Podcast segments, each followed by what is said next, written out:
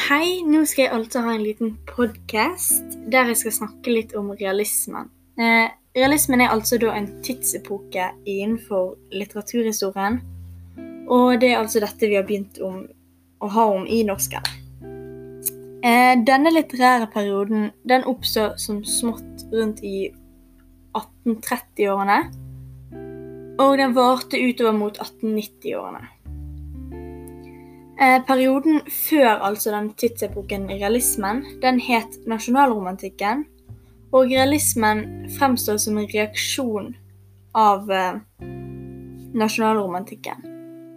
Denne litterære perioden vokste frem som en reaksjon mot de mer virkelighetsvegrende sidene ved romantikken, men òg i klar forlengelse av romantikkens samfunnskritiske sider. Eh, så denne realistiske litteraturen tok ofte opp problemer i samfunnet, og litteraturen kunne likevel ha virkelighetsskildringen som et nøytralt mål i seg sjøl. Eh, for den marxistiske filosofen Georg Lukács Lukács Jeg vet ikke om jeg sier det riktig, sorry.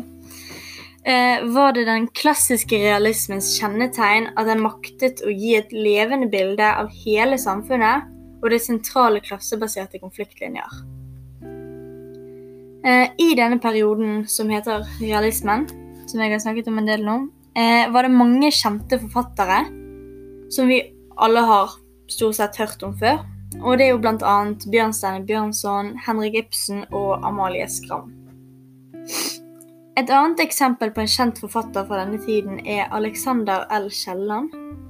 Han er ganske kjent, og han skrev novellen 'Karen', som vi har lest på skolen.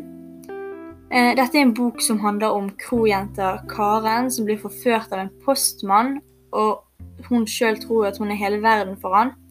Men hun ender opp med å begå selvmord når hun finner ut hvordan det hele henger sammen.